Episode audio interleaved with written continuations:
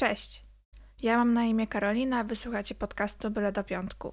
Witam Was w ósmym odcinku mojego podcastu, który będzie trochę inny od poprzednich odcinków, ponieważ będzie to podsumowanie roku 2020 z mojej perspektywy. Opowiem o tym, co się u mnie wydarzyło, zarówno w mediach społecznościowych, jak i poza mediami społecznościowymi. I właśnie tak podzieliłam te moje, że tak powiem, osiągnięcia, oczywiście w cudzysłowie. Chciałabym, żeby ten odcinek był takim po prostu podsumowaniem tego roku i żebyście nie odebrali tego jak y, mojego chwalenia się tym, co udało mi się zrobić w tym roku, bo uważam, że jeśli jesteśmy zadowoleni z czegoś, co sami zrobiliśmy, to możemy przecież o tym mówić komuś, ktoś może się akurat tym zainspiruje i powinniśmy być dumni z, nas, z naszych osiągnięć. Dlatego, jeżeli jesteście ciekawi, co udało mi się zrobić w tym roku, pomimo szalejącej pandemii i absurdalnych ograniczeń w tym kraju, to zapraszam Was do wysłuchania dalej. Uważam, że ten rok był przerąbany właśnie ze względu na pandemię i ograniczenia, ale uważam też, że wykorzystałam ten czas na maksa.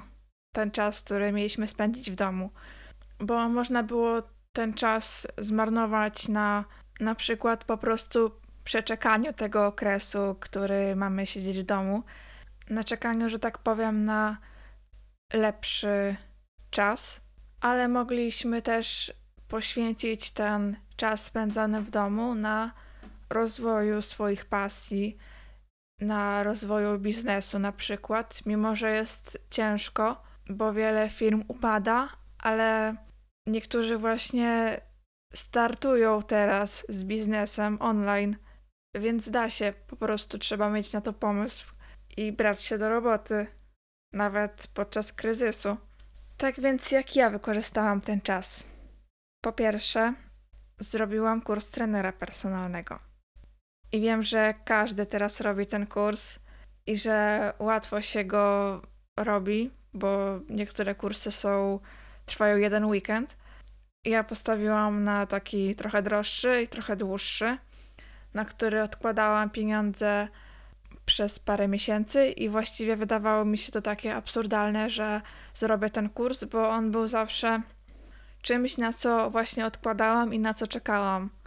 I właściwie długo zastanawiałam się nad tym, czy kupować ten kurs, właśnie ze względu na to, że odkładałam na niego długo i on był, i on już się stał tak jakby moim marzeniem. No ale zdecydowałam się, zdałam egzamin, nie żałuję.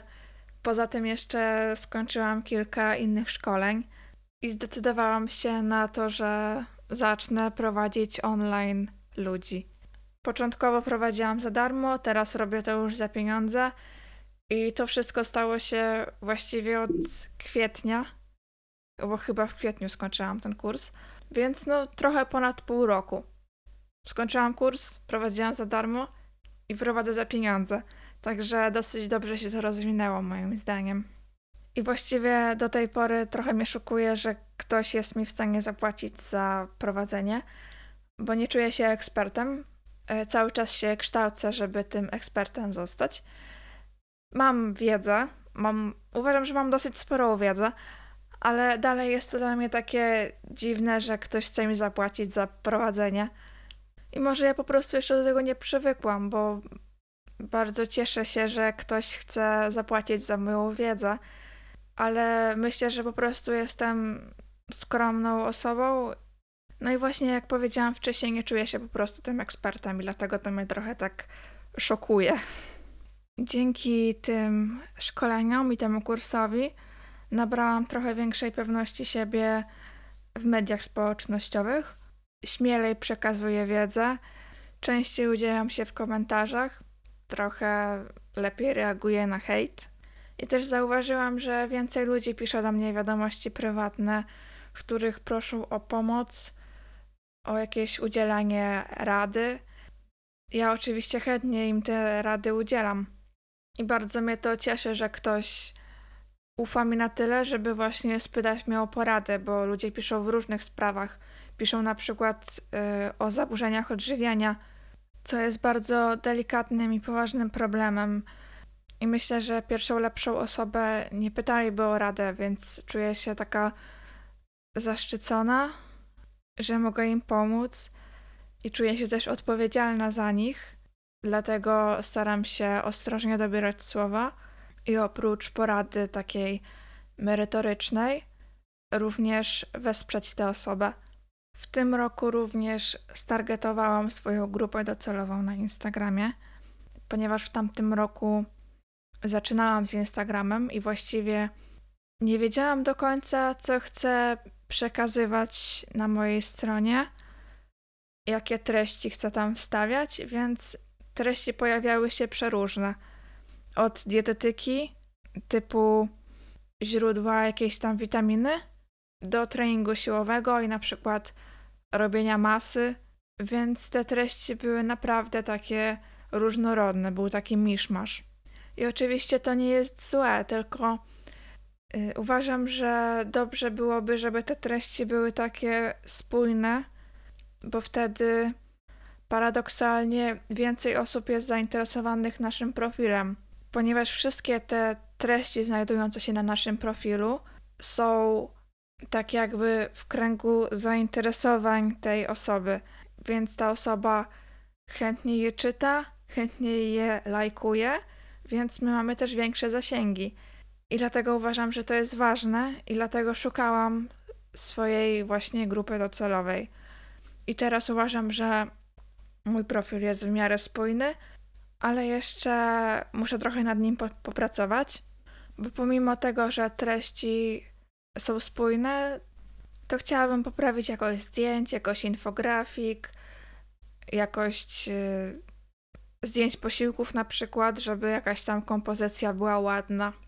Więc trochę pracy jeszcze jest.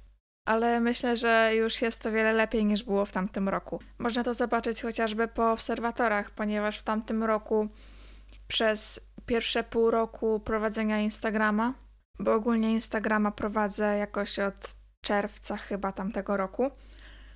Więc przez pierwsze pół roku prowadzenia Instagrama zdobyłam tysiąc obserwatorów. Pamiętam jeszcze, że przyjaciółka mi gratulowała tego tysiąca na Sylwestrze. A teraz na, na ten moment jest 4900 jakoś, więc w tym roku, no można powiedzieć, że 4000 zdobyłam obserwatorów przez cały rok. Więc właściwie dwa razy tyle, bo tam było pół roku. Wiadomo, że to jest taka, taki efekt kuli śnieżnej, że im więcej tych obserwatorów jest, tym mamy większe zasięgi, tym do większej ilości osób docieramy i tym więcej osób do nas przychodzi na ten profil. No ale myślę, że content też robi ogro ogromną rolę w zdobywaniu właśnie obserwatorów, jakość tego kontentu, wykonanie graficzne tego kontentu. Więc jestem bardzo zadowolona z tego przyrostu, mimo że, no wiadomo, mo mogło być lepiej. Ludzie szybciej rozwijają swoje profile i w rok mogą na przykład zdobyć 10 tysięcy, więc co to jest moje 4 tysiące. No ale poza tą liczbą 5 tysięcy followersów, można powiedzieć, bo jeszcze zostało 3 tygodnie do końca roku na ten moment, bo nagrywam ten podcast 8 grudnia.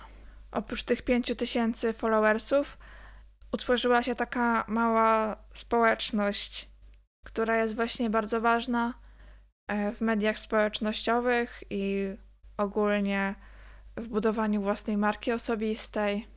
I ogólnie zaangażowana społeczność jest, myślę, że ważniejsza niż sama ta liczba obserwatorów, bo możemy mieć 100 tysięcy obserwujących, ale jeżeli będziemy mieć 10 komentarzy pod postem i nie wiem, 1000 lajków, to te proporcje są no takie średnie i to wygląda jakbyśmy kupowali tych obserwujących.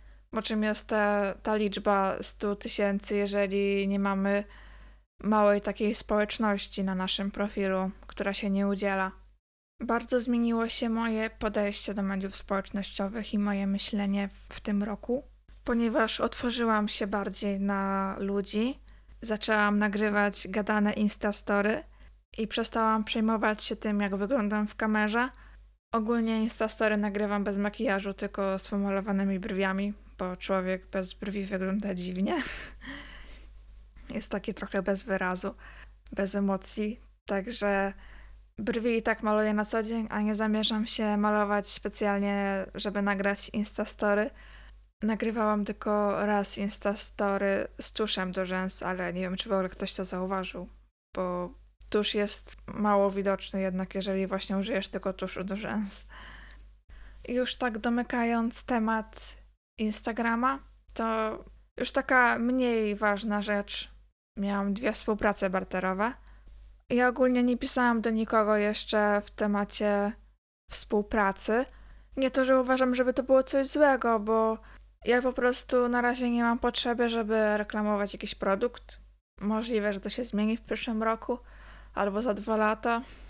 Na ten moment chciałabym się skupić na własnym rozwoju.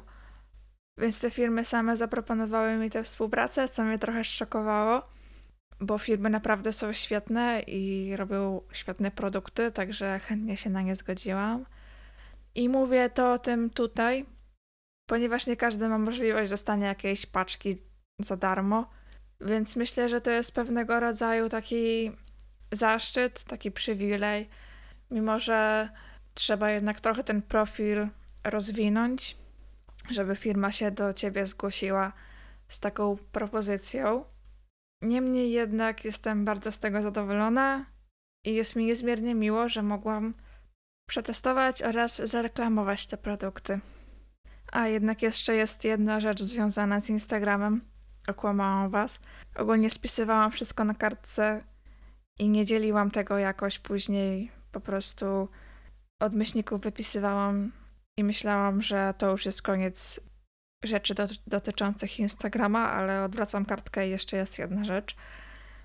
Mianowicie wydałam darmowego e-booka z jadłospisami jesiennymi, a że tego e-booka reklamowałam i wysyłałam ludziom przez Instagram, to jest to rzecz właśnie związana z Instagramem. Poza tym napisałam również płatną wersję tego e-booka i są to właściwie trzy e-booki z jadłospisami, bo na trzy różne kaloryczności. Ale ich premiera będzie dopiero w przyszłym roku, bo jeszcze mi została kwestia graficzna, muszę to jakoś graficznie ogarnąć i będzie gotowe. Dobra, to teraz już tak na poważnie przechodzimy do rzeczy niezwiązanych z Instagramem. Najważniejsze, założyłam podcast. I mimo, że dalej trochę krępuję się mówić do mikrofonu i wydaje mi się to dziwne, że siedzę w pokoju sama i gadam sama do siebie, mimo że wiem, że po tamtej stronie kilka osób na pewno tego słucha, mam nadzieję, to jednak to jest dla mnie nowa rzecz i trochę jeszcze właśnie się krępuję. Chociaż jest już coraz lepiej, coraz bardziej śmiało mówię, coraz mniej robię cięć, coraz mniej wycinam w postprodukcji, więc jest progres. Jeszcze muszę trochę się nauczyć montować, żeby to lepiej trochę brzmiało, ale no, myślę, że już jest w miarę słuchalne. Druga sprawa, bardzo ważna dla mnie, to jest wyleczenie kontuzji łokcia, która trwała od półtora roku, od dwóch lat może nawet. I była dosyć poważna, bo ja zbagatelizowałam ten problem i pomimo różnych zabiegów fizjoterapeutycznych, to nie przestałam ćwiczyć łap i nawet pobiłam swój rekord w martwym ciągu w okresie tej kontuzji. A kiedy już zmądrzałam i przestałam trenować, to dalej łokieć mnie bolał i właściwie trochę już straciłam w tamtym okresie wiarę, że ten łokieć wróci do normalnego stanu.